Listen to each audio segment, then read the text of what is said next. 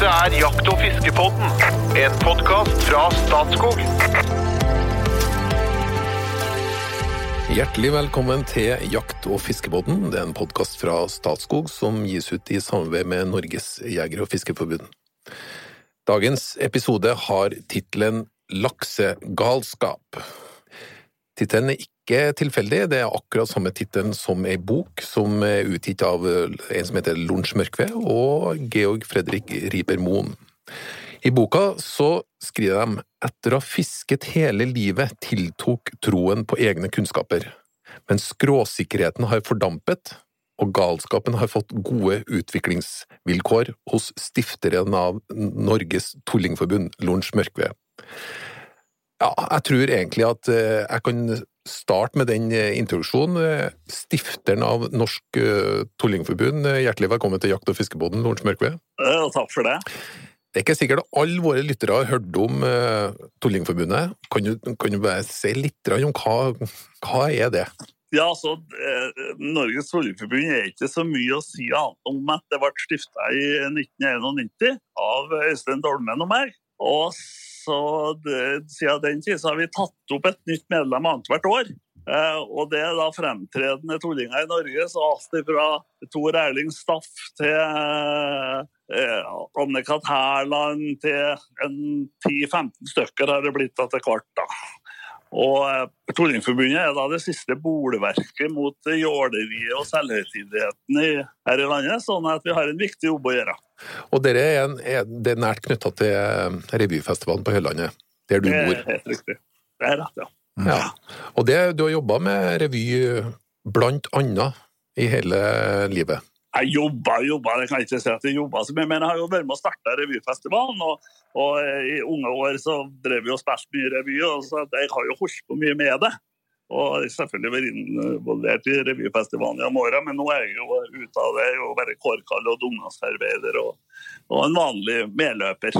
Mm. Men du har holdt på med mye forskjellig opp igjennom. Ja, mye og mye. Det er selvfølgelig Jeg har kanskje det, da. Gi noen eksempel? Ah, Jeg var jo utdanna på Landbrukshøgskolen i forrige århundre. Og jeg jeg var fylkesagronom til og med. I forskjellige fylker rundt i landet og drevet og tegna hus. Så har jeg drevet fjernsynsproduksjon i nesten 30 år. Hele en film- og TV-produksjon. Pro- Produsert mye om natur, jakt, jaktopplæring eh, og sånne ting. Og eh, så er det nå drevet gårdsbruk da, på hele landet her. Så er jo så heldig at jeg har elv som renner over gården. Så at jeg er jo laksvall og elgvall. Og så jeg nå tullet meg borti forskjellige andre ting da rundt omkring. Men eh, enkel sjel fra bygda. Ja, det, det, det var dine ord. Eh, Min erfaring er at eh, du har et lass med kunnskap som blir formidla på en særdeles interessant måte. For du, du greier å pakke inn eh, kunnskapsformidlinga di i en blanding av eh, humor og alvor. Er du enig, Espen? Jo, jeg er veldig enig, og jeg, jeg er jo er rett og slett glad i Lunsj, for jeg syns han, er- han er en bærer av fornuftige tanker, og så pakker han inn på en måte så det virker litt sånn tilforlatelig og, og, og kanskje litt tullete noen ganger, og det, jeg elsker den der kommunal... Altså, livet uten humor er nesten ikke verdt å leve, men det må jo være noe hold i den humoren, og der er Lunsj eh, veldig god. Det var snille ord, vel, Lunsj? Ja, det var i drøyeste laget. Det. Vi tar det inn. Altså, jeg trodde ikke man kunne rødme på podkast, men det høres sånn ut nå. Ja. de, de, de, de, vi har et ord oppe i Namdalen her som heter som sa at du, du er lettfødt som feitner av fagre ord. Ja. Så at, eh, vi får ta det der. Ja, ja. Men hvordan havna han denne gårdbrukeren fra Høylandet ut i det uføret som endte med at du ble en uforbederlig laksefisker? Hvordan starta det hele? Det var jo enkelt, fordi vi har jo som sagt, det er jo et laksefall i Søråa som er en forlengelse av Bjøra. Det er jo i Bjøravassdraget som er sideelv til Namsen. Og det her, når du har et laksefall på gården, så er- sier det seg sjøl at det blir jo fisking da, som vi drev på med fra vi var små. Og det er jo eh, sånn de aller fleste, i hvert fall oppi her, begynner å fiske. da. Og at du begynner når du er liten, altså, og fisker selvfølgelig for å tro du får fisk og laks, og det fikk vi jo ikke. Jeg tror jeg fiska laks i ja, fire Jeg begynte å feste da jeg var seks-sju år, men jeg, jeg, tror jeg var ti år før jeg fikk en eneste laks, og den tror jeg ikke var mer enn et par kilo. Så det har tatt litt tid. Men ja, apropos det har tatt litt tid. I, i boka deres så, så starta dere jo ikke der, da. Det er, jo, det er jo en stund siden du starta med å fiske, men du, går, du og en Georg Fredrik Ribmoen går jo da 6000 år tilbake. Mm. Hva, ja, hvorfor, hvorfor i all verden går dere så langt tilbake? Altså, for, for det her er boka vår, så har vi liksom prøvd å satt et skråblikk på laksefisket. Da må liksom ha et perspektiv på hvordan det her har blitt, da, sånn som det har blitt. Og eh, laksen her var her jo da mange mange tusen år før oss. Da. Så at eh, vi som i dag eh, sitter og forvalter en, eh, mange laksestammer i Norge, vi, mange av oss har veldig kortsiktig horisont og forstår veldig lite, og vil kanskje ikke forstå heller, hvor komplisert det her spillverket er, som har gjort at vi i dag har laksestammer som er tilpassa hver enkelt elv i Norge. Og Den historien starta for mange tusen år siden. Derfor har vi begynt liksom for langt bak i tida. da. Og dere pakker inn i en sånn steinalderhistorie som er art, artig å følge. Så du følger, du følger noen over tid. Da vi begynte å skrive boka, så tok jeg og prata med folk som har vett og forstand på mange ting som ikke vi forstår noe av. Blant annet så var det jo en del som eh, har forska mye på hvordan folket levde i steinalderen, og hvordan de første nordmennene som kom via fra Tyskland oppover, hvordan de levde, og hva for noe gleder og en haug med sorger de har. Så etter at vi har prøvd å lage denne historien fra steinalderen og framover, så er det eh, litt hold i regnskapet nå da, med at vi har snakka med folk som fortalte oss hvordan det her foregikk. og det at de begynte å fiske laks selvfølgelig ved et tilfelle, det sier de at det er helt naturlig. For de har ikke forkunnskap om at det var laks i elvene. Det var noe de så tilfeldigvis fordi at den hoppa eller på annet vis.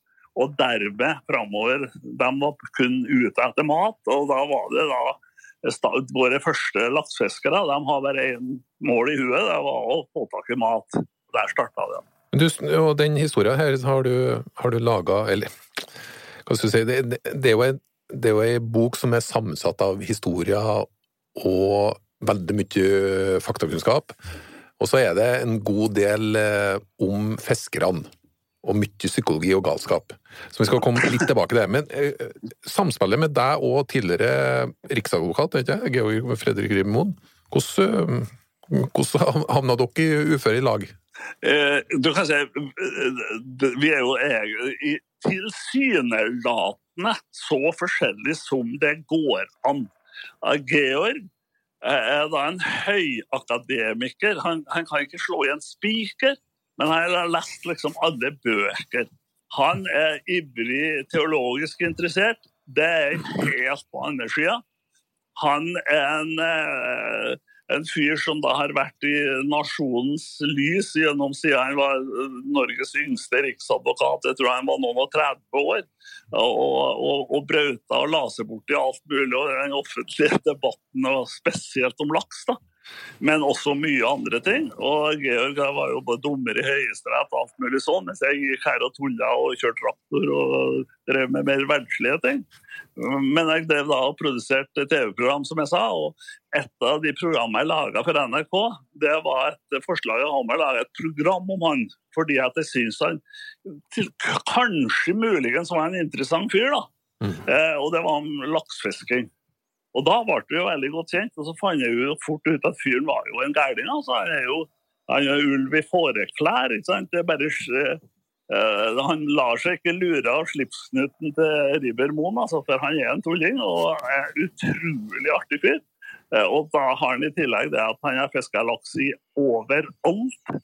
Og så kan han nå ustørtelig mye, og det har han selvfølgelig fått gratis fordi han leder det nasjonale utvalget for laks og lakseforvaltning. De kom med innstilling til regjeringa i sin tid. Eh, så han kan jo så styggende mye, han Georg da, vet du, så å skrive bok sammen med han, eh, det var veldig lett. Og Litt av fascinasjonen i boka starter egentlig med, det, med den ekstreme tilpasninga og den ekstreme dyktigheten som laksen har. Den, eh, den, har jo noen enorme vandringer som vi er litt usikre på, på hvordan skjer.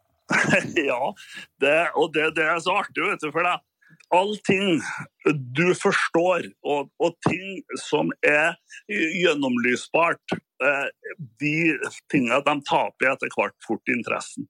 Det er laksen, vet du, så er så mye vi ikke fatter og begriper. Sånn at det, det er derfor det er så fascinerende. Og, og kan jo begynne vandringa. Det er jo eh, det at han går fra elva, og så skal han finne de beiteområdene sine, eh, som er da kanskje sannsynligvis mellom Island og Grønland på en plass. Og, og, ikke har han vært der før, ikke vet han hvor skal hen. Han har ikke noen gammellakser som han går etter, eller noen ting som vet det. Han har bare peisa vei og kjører seg i Golfstrømmen som skulle tro forvirrer han fordi at han sender han både oppover og nedover, men nei. Han kommer fram til rett plass. Det er helt utrolig. og Det er fisker som er så store som en tolkning. ikke sant? Og eh, Det er så ubegripelig. at altså, går de der da, i ett til fire år og feiter seg opp, og så finner de tilbake igjen. altså. Eh, det eventyret der er jo ingen som har forklart, og ingen som har greid å, å få med holdbare teorier på hvordan de får det til. Sånn at Bare det gjør jo det at laksen er jo et eventyr å, å, å studere og, undre seg over. Altså. Hvorfor tror du den går sånn, Espen? Hvorfor tror du den greier det? Nei, det er som Lorentz sier, vi veit jo ikke. Altså, det er jo spekulert i det store og det breie her. Altså, det er liksom snakk om magnetisme og, og lukt i vannet, og vi vet, men vi veit jo egentlig ikke. Vi prøver å nøste litt av, ikke sant, men hvordan man egentlig klarer dette her, er jo helt uh, ufattelig. Men det kan vi i hvert fall være enige om at det er, et, det, er en, det er et resultat av en evolusjon over tid. Ikke sant? Og det var som Lorentz sa helt innledningsvis, at disse fantastiske fiskene eh, Det er jo slik at en laks som hører hjemme i Søroa oppe hos Lunsj, den har jo ikke noe å gjøre i Tanavassdraget i Finnmark. Den hører hjemme i Søroa oppe i Namdalen eller oppe på Høylandet. Og, og, og, og, det Hvordan det foregår, det vet vi kanskje ikke så mye om, men vi vet at det foregår. Mm. Eh, og det burde avstede litt respekt for å ivareta eh, denne særegenheten ved laksen. Men det er en del teorier. Det er mye teorier, og, men, men, hele den norske lakseforvaltningen er jo nå basert på eh, en, en, en sånn bestandsretta forvaltning, som det heter. Altså at hver bestand krever sine forvaltningsgrep for å sikre at den kommer opp i elva igjen. Og det er, det er, veldig viktig å skjønne som et prinsipp, for hvis vi går bort fra det og sier at en laks er en laks, mm. samme hvor den er, ja da, da, da hadde verden vært så uendelig mye enklere. Da hadde det i bunn og grunn kanskje ikke gjort noe om vi hadde rømt oppdrettslaks opp i elvene heller, ikke sant? Men fordi det er en unik bestand i elva som har utvikla seg over mange, mange år, så er, det, så er, det, særlig viktig at vi som mennesker evner å ta vare på det. Mm. Nei, det er jo en del Ja, man, man snakker jo om både om selvfølgelig lukt og magnetisme videre, men i, eh, for, for å gripe tak i det vi skal etter hvert eh, over på et eventyr og et mareritt som starta i 1968. Men relativt mye uforstand før det òg, Lorentz. Eh, altså, vi skal inn på oppdrettslaks, men det er jo ikke det eneste vi har gjort for å prøve å utrydde laksen. Nei, det er lang, det er lang rekke, altså. Og det er helt utrolig, egentlig, at, at det er vi sjøl som kanskje som elsker laksen og har tjener penger på den og gleder oss over å fiske den, at vi har vært i første rekke og, og, det med uforstand som overskrift. Vi har eh, bygd ut elver til kraftverk, og vi har tatt grus i elvene. Vi har sendt kloakken og, og husdyrgjødsel i elva. Vi har, gjort, vi har gjort nesten så utrolige ting for å egentlig prøve å ta livet av laksen. At det er jo ubegripelig at den har berga som den har gjort. Og det her, her er en lang rekke med synder altså, som vi gjorde fordi vi ikke forsto.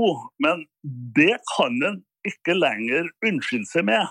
Det kunne vi gjøre før, men ikke nå. Sånn at nå vet jo alle som vil vite at det er en veldig sårbar bestand med laks i de 400, over 400 elvene det er igjen laksestammer. Altså da genuine laksestammer. Eh, så må folk forstå at nå må vi i hvert fall ikke legge sten til den byrden som vi sjøl har gjort Latsen eh, latt lide under i mange, mange år. Og da kommer vi fort inn på et tema her nå, eh, som også er omtalt i boka. Det starta i 1968 på Hitra, og har blitt ja. et enormt eventyr. Ja. Og et mareritt, og det var starten, vil jeg tro, på begrepet villaks. For det, det begrepet fantes for da ikke før 1968, så på et eller annet tidspunkt etterpå så kom begrepet villaks. Hva var problemet her? Ja, altså, starten eh, Det var også der eh, den glade vanvidda.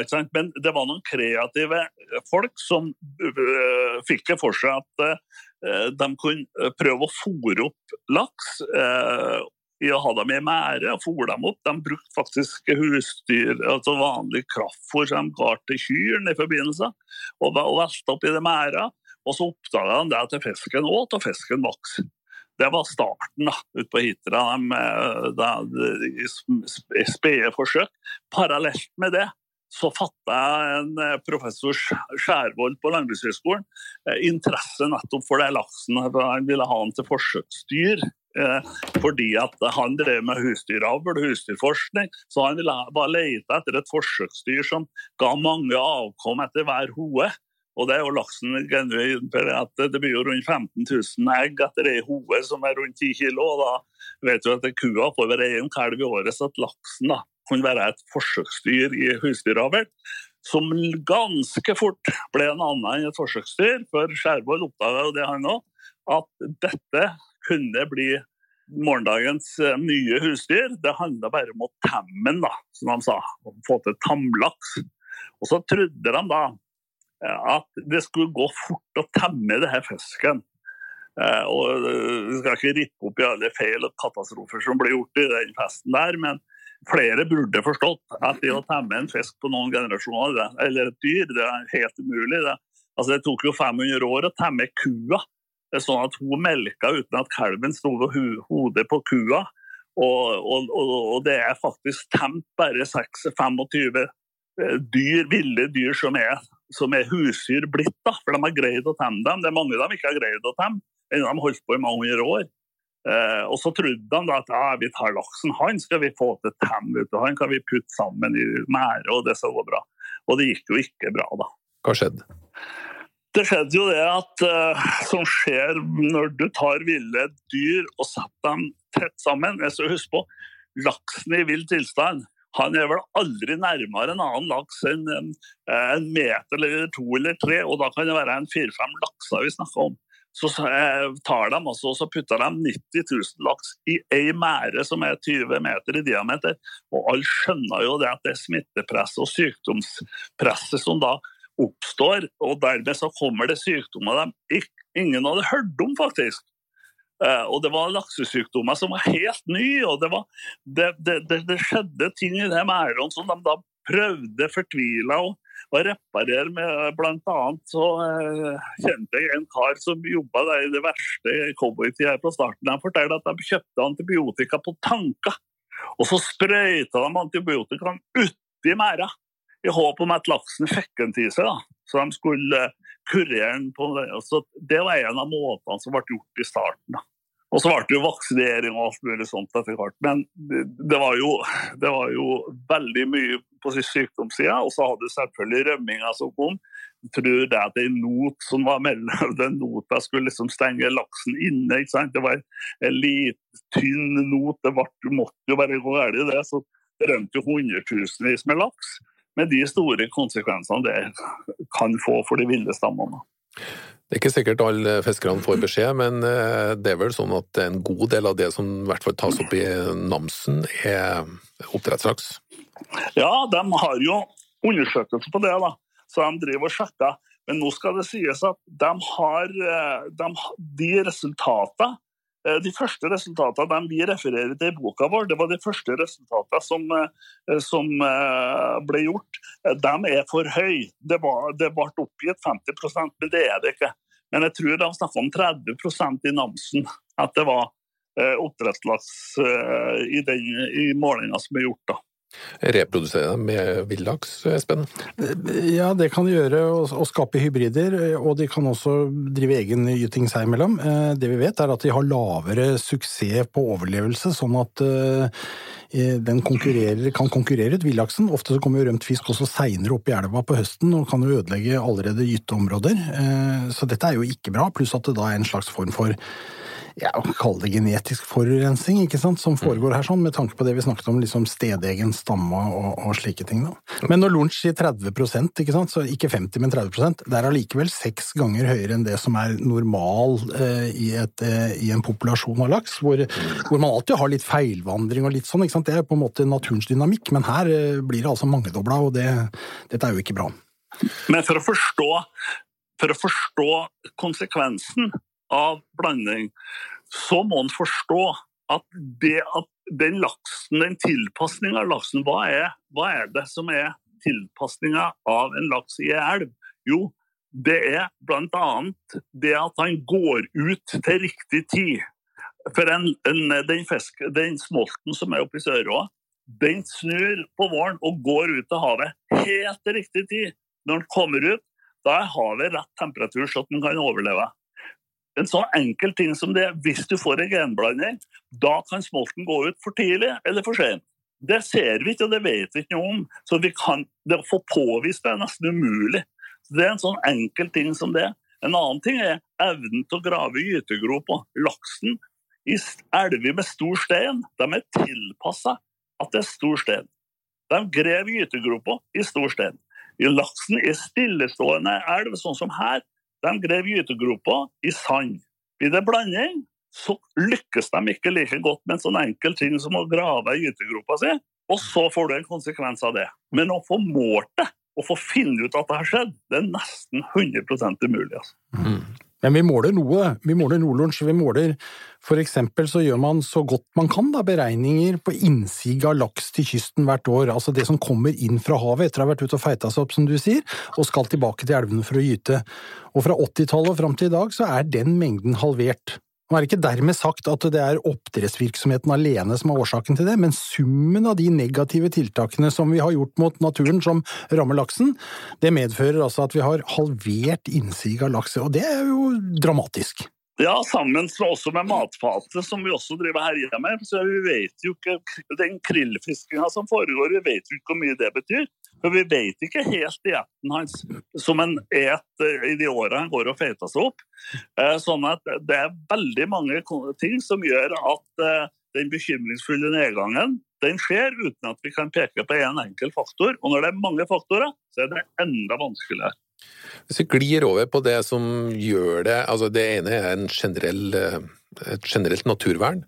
Det andre er jo at det det er utrolig mange som risikerer å få ødelagt sin store, store lidenskap. Fordi fisken opp i elven her skaper jo opplevelser av en annen verden for veldig, veldig mange. Opp mot kanskje 150 000 eh, som fiskelaks. Nei, 70 75 000 årlig som løser uh, statlig fiskeavgiften for å fiske laks. Trøndelag pleier da å si 150, for ja. vi pleier å gange det med to. Ja. uh, men uh, Lorentz, dere har klassifisert de ulike typer fiskerne. Det er de gale entusiaster, de glade amatører, fanatikere, jålebukker, nykakser. Og til slutt dem som ikke passer inn i den normale laksefiskeren. Hvilken type laksefisker er du, Lorentz? Uh, nei, dessverre så tenderer jeg mot den normale, altså. Som vi beskriver som en ganske kjedelig type. Eh, egentlig ganske kjedelige folk. Jeg tror jeg er, er den kategorien, da.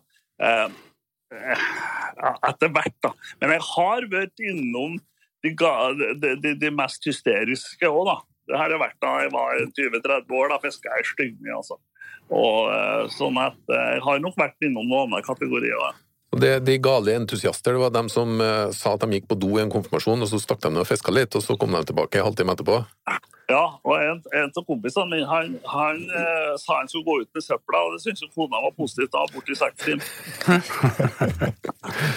Hva er med, med jålebukkene, da? Jålebukkene de har alle sammen truffet, ikke sant? Det er dem som har har, har liksom så store De har så store fisk, sånne vester på seg at de nesten ikke får til å kaste, og så fullt av lommer fulle stikker opp sånne svære eh, flueskrin. Og eh, de er veldig opptatt av hva merket det på stanga. Og, og, og, og, tror de har veldig god greie på hvilken flue de skal bruke. Og, de, eh, og prater veldig høyt. De, har, de prater med utestemme hele tida uansett.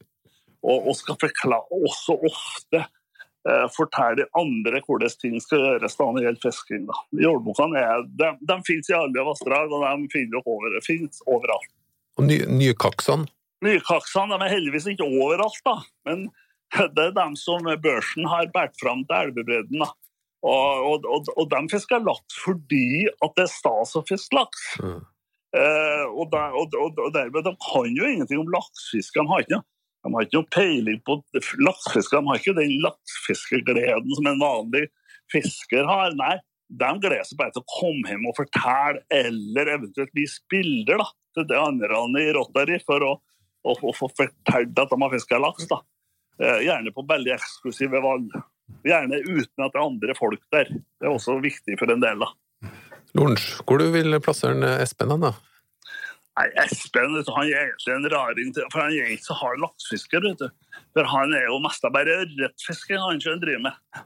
Så eh, jeg vet ikke, Espen, hva vi skal sette hen. Nei, jeg, det er helt riktig. Jeg er egentlig ikke noen ivrig laksefisker. Jeg, jeg er veldig opptatt av laksen som art. liksom. Det litt, kommer jo litt mellom jobben, og, og jeg syns det er spennende og fascinerende. og alt dette. Men jeg er ikke så veldig ivrig laksefisker. så Jeg er litt utålmodig. vet du. Jeg var jo sånn som falt i gryta som liten, så jeg er liksom, i utgangspunktet har jeg ikke tid til å sitte stille og vente på dette her. vet du. Den fisken den, den spiser jo ikke, og den er jo helt uforutsigbar og ja, i det hele tatt. Men du, Lorentz! En ting. Ja. En ting som jeg, jeg så en veldig artig statistikk når jeg var oppe, jeg var oppe i Namsen i fjor. Eh, og da så jeg at uh, catch and release, fang og slipp-prosenten i Namsen, jeg tror Ja. den var på 17 uh, Altså 17% av fisken ble Ja. satt ut igjen, resten ble Ja. kakka i huet. I Orkla, som er en annen trøndersk elv, så var 73% tror jeg det var, blei ble satt tilbake igjen. Det, det, det sier jo noe om at det er veldig ulike kulturer i de ulike lakseelvene. Mm. Orkla har jo også alltid vært en sånn folkefiskets elv, ikke sant? med god ja. tilgjengelighet for mange. Og. Namsen med sin lange elv og mange sideelver og alt ikke sant. Men, men nordtrøndere, dere, dere lever i en høstingstradisjon. Dere kakker laksen og tar den med hjem og røker den. Ja, vi slår ned. Ja. Umiddelbart. ja. Uten noe mer om og men. Nei, fordi at uh, altså eh, Der er jeg på den sida som sier at det var en eller annen veterinær som er uh, i den hardeste debatten om catch and release, og han sa at vi har ikke lov til å påføre laksen mer enn én dødskamp. at når laksen er på, da kjemper han sin dødskamp. Den varer kanskje opp imot en time hvis det er en stor laks. Og den dødskampen tar alle kreftene ut av fisken. Og eh, er sikkert veldig på eh, ikke noen, Det er ikke noen høydere i hans liv, det å henge på den kroken og bli dratt opp og, så nært land, og plutselig ser noen folk som står med en håv og en krok og hva som helst. Derfor så skal han ikke slippe den ut igjen. Han skal slå den i hjel. For da har han gjort dødskampen sin, og han skal slippe å få noen flere. Det syns jeg er en ganske fornuftig tanke. Vi har jo hatt en egen episode faktisk på Catch and Release der vi var litt inn på akkurat det. Fordi at eh, det jeg husker du, eh, Jo Inge, var inn på, var jo at den eh, fisken er veldig utsatt etter en sånn kamp. Sånn at altså er fisken tatt ut, tatt ut nok, så kan det være riktig å ta den. Det, og det var jo du enig i, Espen. Så her, her er vel ikke noen sånn klare Nei, altså det, det, det avhenger litt av altså det, det er klart Det rent fysiologiske altså kommer, Så kommer det litt an på temperatur i vannet, hvor hardt laksen er kjørt, hvordan ting skjer, liksom, hvordan du håndterer den, ikke minst. Så man, man, man vil nok kunne klare å sette tilbake mange laks uten at de dør. Men det er jo ikke egentlig det du, Lunsj, sier. Altså, det er jo ikke det rent fysiologiske. Jeg opplever vel at dette har litt med, med holdninger til hvordan vi behandler et levende vesen også som, som vi skal ha litt eh, respekt for. Og i, i, det der landskapet der, så, så får man jo gjøre seg noen meninger om dette, da. Men jeg registrerer at det er stor forskjell i, i kulturen i de ulike elvene, og det er ganske interessant. Hvorfor, eh, hvorfor- hvorfor er det utvikla så ulik kultur? Er det ulike typer fiskere i de ulike elvene der da?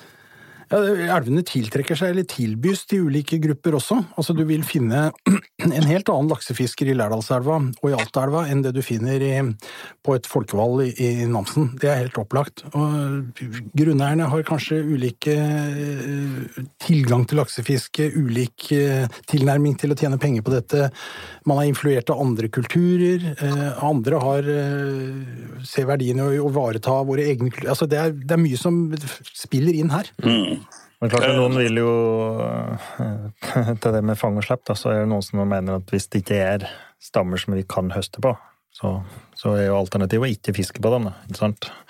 Og det er klart, og det å forske på det, da, fisk som er satt ut, at det er mer utsatt da, en del arter, og som Espen sier, det er veldig avhengig av hvordan blir håndtert eh, temperaturen og håndteringa av fisken, og hvor lang kampen har vært. da. Eh, men, eh, men det, det, å forske på og funne ut at de er mer utsatt for å bli tatt av andre predatorer, eller er i dårligere form da, etterpå. Og det er klart, alternativet er jo vi ikke fisker. Og, så det er jo en, det er en tilpasning vi har gjort av da, som mennesker. For vi vil helst fiske, og grunneiere vil helst ha mulighet til å tilby fiske. Og klart, da er det alternativet at du kan fiske fisken flere ganger, da. Ikke sant? Og, og det er klart det er noen etiske dilemmaer. Det er det.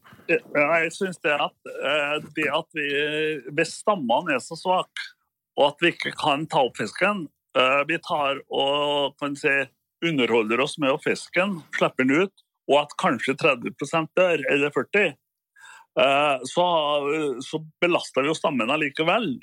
I tillegg til at det etiske med at vi egentlig ikke skulle ha gjort det. Det er en type fisk du, du, er veldig opptatt av at folk må sette ut, men som ikke blir satt ut igjen, alltid. Ja, det er jo gammellaksen. Ja. Altså, den oppstod jo, som vi ser oppi her, eller vinterstøingen, da. Det er, jo, det er jo, kremen av gen, genmaterialet. Det er den laksen som gyter, berger liv etter gytekampene, og, og siger seg sakte ut igjen og går ut på våren. Og, har levd over både isgang og all mulig elendighet. Og den laksen han står i elva, iallfall i noen elver veldig mye, i Namsen er det veldig mye vinterstøy, og den biter veldig lett på våren da den er på tur ut. Da. Så den er veldig vesentlig og verdifull. Eh, men dessverre så er det altfor mange som slår i hjel dem og tror det er en, års, en, en ny laks. Da. Men apropos bite, bitevillighet, hva er det som fungerer best? Hvilke redskap er det som fungerer best? Ja, det er lurespørsmål. Det er lurespørsmål, altså, for det, er det ingen som vet. Så Den der går det ikke så lett på. Men jeg kan si at hvis du kikker i statistikken, så er det enkelt. fordi at laksebørsen også må du oppgi hva du har fiska med.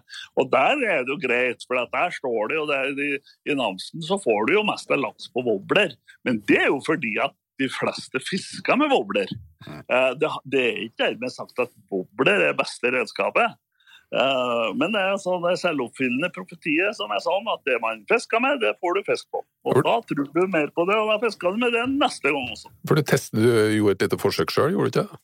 Jeg har gjort flere forsøk med, med, med, å fiske med forskjellige andre ting enn det som er å få kjøpt. Og, og jeg har fått laks på, og det skyldes selvfølgelig fordi at jeg har eh, fiska den sommeren bare med det.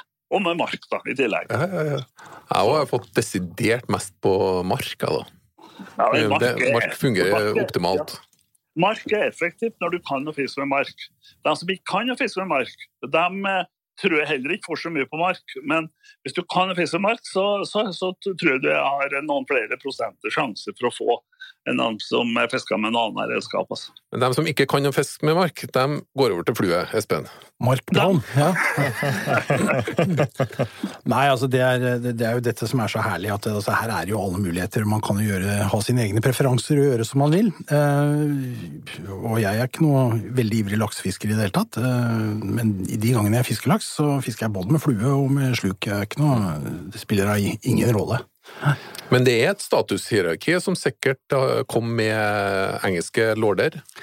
Ja, uten. Uten tvil. Et, et, hierarki, og det er lett å oppdage det. Altså, Der er jo markfiskeren på bunnen. Altså. Han er jo lavkaste. Han er jo uten kaste. Han er ikke kaste i hele tatt. Han er, jo, han er liksom bare den simpleste laksefiskeren. Det er liksom han som står og fisker med mark og, med svart på fingrene hele vår, hele sommeren. Og, og det, det, det, er den laveste kasten. Så har du middelklassen, de fisker med sluk. De kan, det, det øvre sjiktet kan så vidt godta slukfiskerne. Og så har du da yppersteprestene. Det er de som fisker med, bare med flue. Nå, nå sliter jo folk flest store forsvarer, Espen Farstad, sliter jo desperat på nei, andre sida nå. Nei, nei, nei, ikke i det hele tatt. Nei, nei, nei. nei Fluefisker, Espen nei, nei, altså det som, det som, vi får beskrevet her nå, det er jo, en, det er jo slik som eh, laksefiske har framstått i Norge historisk sett. For det at snobbene det var jo de engelske lakselordene som kom til Norge.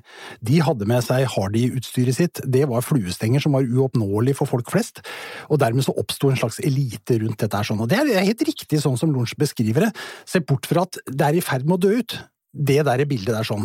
Eh, og da kan jeg gi et lite spark til Lorentz og si at det er mulig at oppe på Høyland at uh, framskritt ikke går så fort, men i de fleste andre steder så er jo fluestenger nå alminnelig brukt av de aller, aller fleste. Så det heldigvis, da, får vi si, så flater denne her eh, klasseskilledebatten innenfor laksefiske ut, og vi blir mer like alle sammen og kan nyte det man har mest lyst til å bruke. Bruker du flue, fluestang du, Lorentz? Ja, nei, jeg har alt. Jeg har, kan du se! Jeg har, jeg har både kort og lang. Jeg fiska med alt mulig. så Jeg er enig med Espen. Det, altså, da, da, da glassfiberstengene kom, det var dem som gjorde store forskjellen. For da kunne vi kjøpe oss en enkel glassfiberstang og kosta 600-800 kroner. Eh, da kom alle sammen seg til fluestangen. De var veldig dyre, de, de trestengene som var før. Og det var ikke alle som hadde råd for De som hadde dem, hadde gjerne fått dem av engelskmennene, de som hadde vært der. Det var roere og sånn. Eh, så det hang igjen derfra, det dette snobberiet. Men jeg har jeg har, jeg har, fortsatt møtt folk i dag som, som, med avsky ser på dem som står og fisker med noe annet enn flue. Og, og, og, og de, de, sier det ikke, men de, de, greier nesten ikke å eh, forholde seg til noe annet enn flue. Og det, det er greit, det.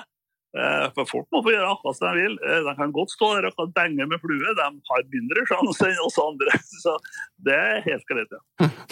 Jeg er jo spent, for Espen har jo tidligere sagt at jeg skal greie å lære meg fluekasting på et kvarter. Ti minutter. Ti, var det ti minutter? Ti minutter. Ti minutter ja. ja. det tror jeg han greier godt. Ja, det tror jeg Det er ikke atomforskning å kaste med flue. Og jeg er huslig dårlig til å kaste med flue. Jeg kasta så stygt, jeg kasta langt, men jeg kasta forferdelig stygt.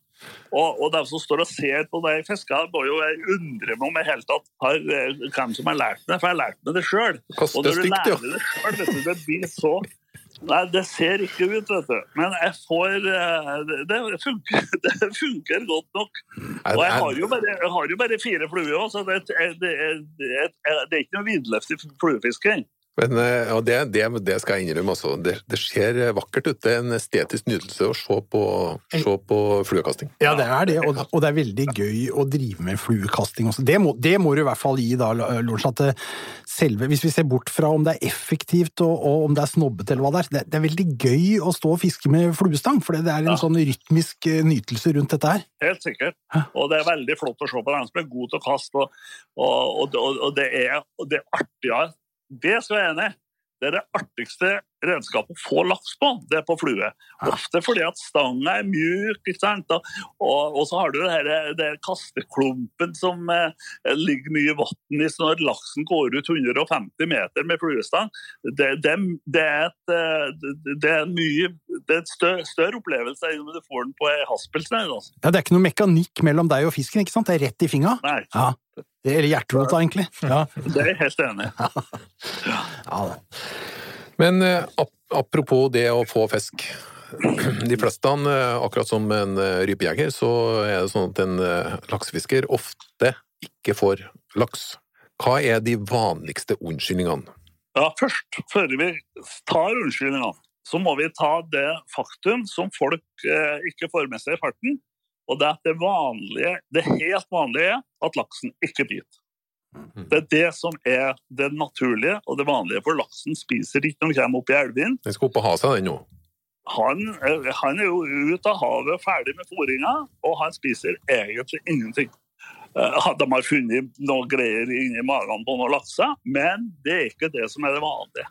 Så at laksen han skal ikke ha noe mat. De fleste har ingen fiender. De trenger ikke å fly på noen for å ete opp dem.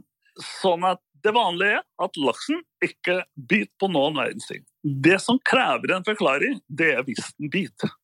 Det er heller ikke så enkelt å forklare. Sånn at Når folk da kommer hjem og ikke har fått laks, som er det helt naturlig at du ikke får, så har eh, folk eh, lagt seg til, vi laksefiskerne, fullt av forklaringer på hvorfor du ikke får fisk. Og det har vi da ramsa opp en haug. Det er det er for grumsete, er det er stig, er det er søkk, det er for klar himmel, det er for lavt skydekke, det er skum på elva, det ryker av elva, det er noen som bader i elva, det er kobbe i elva. Det er en hel mengde med unnskyldninger som vil male ut i den vide bredde som unnskyldning for at vi ikke har fått laks, og det kunne vi bare spare oss, for det det vanlige er at laksen ikke biter. Så du må heller spare forklaringa til du kommer hjem med en fisk, og prøve å forklare Hvorfor? hvorfor beit den fisken. Det er tror, det som er, det er, det som er mysteriet. dette ligger litt i laksefiskets monotoni også, dette her, vet du, Lorentz. Du står der og kaster og kaster og kaster og kaster. Da gjør du mye lange, dumme tanker, tror du ikke det? Jo, det er det. Det mye dumme ting. Og de kasta bort mye tid. De ødelegger familieøkonomien. Ferien har gått til helvete. Kjerringa er. Det da. Og, og alt det gale egentlig kommer hjem tomhendt hver jævla gang. Altså, det, og, og så skal du forklare det her. Og, og, og familieselskapene går røyken, og ungene sine har bursdag og alt det der. Og derfor så er det de har det her unnskyldningene på lager. da. Men og så holder man ut og holder ut og holder ut. Og det er jo en stor drøm her. Altså, jeg, jeg, vi snakker jo om, eh, om fisk som kan bekke 30 kilo. Og, for, og som du skriver i boka, å få en rugg på over 20 kilo er som å hoppe ut fra trollveggen uten fallskjerm.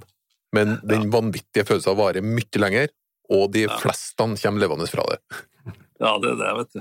De kommer, eh, de og levende kommer de, men de er jo ikke Du er jo ikke helt Jeg har fått én laks på 20 kilo hele mitt liv, uh, og jeg har fiska mye. Uh, og du, du blir jo eh, Altså, det er, så, det er litt sånn Jeg har fått laksen min. Jeg står der og fisker at man får en på 10-12 kilo, ja. Men jeg har fått den.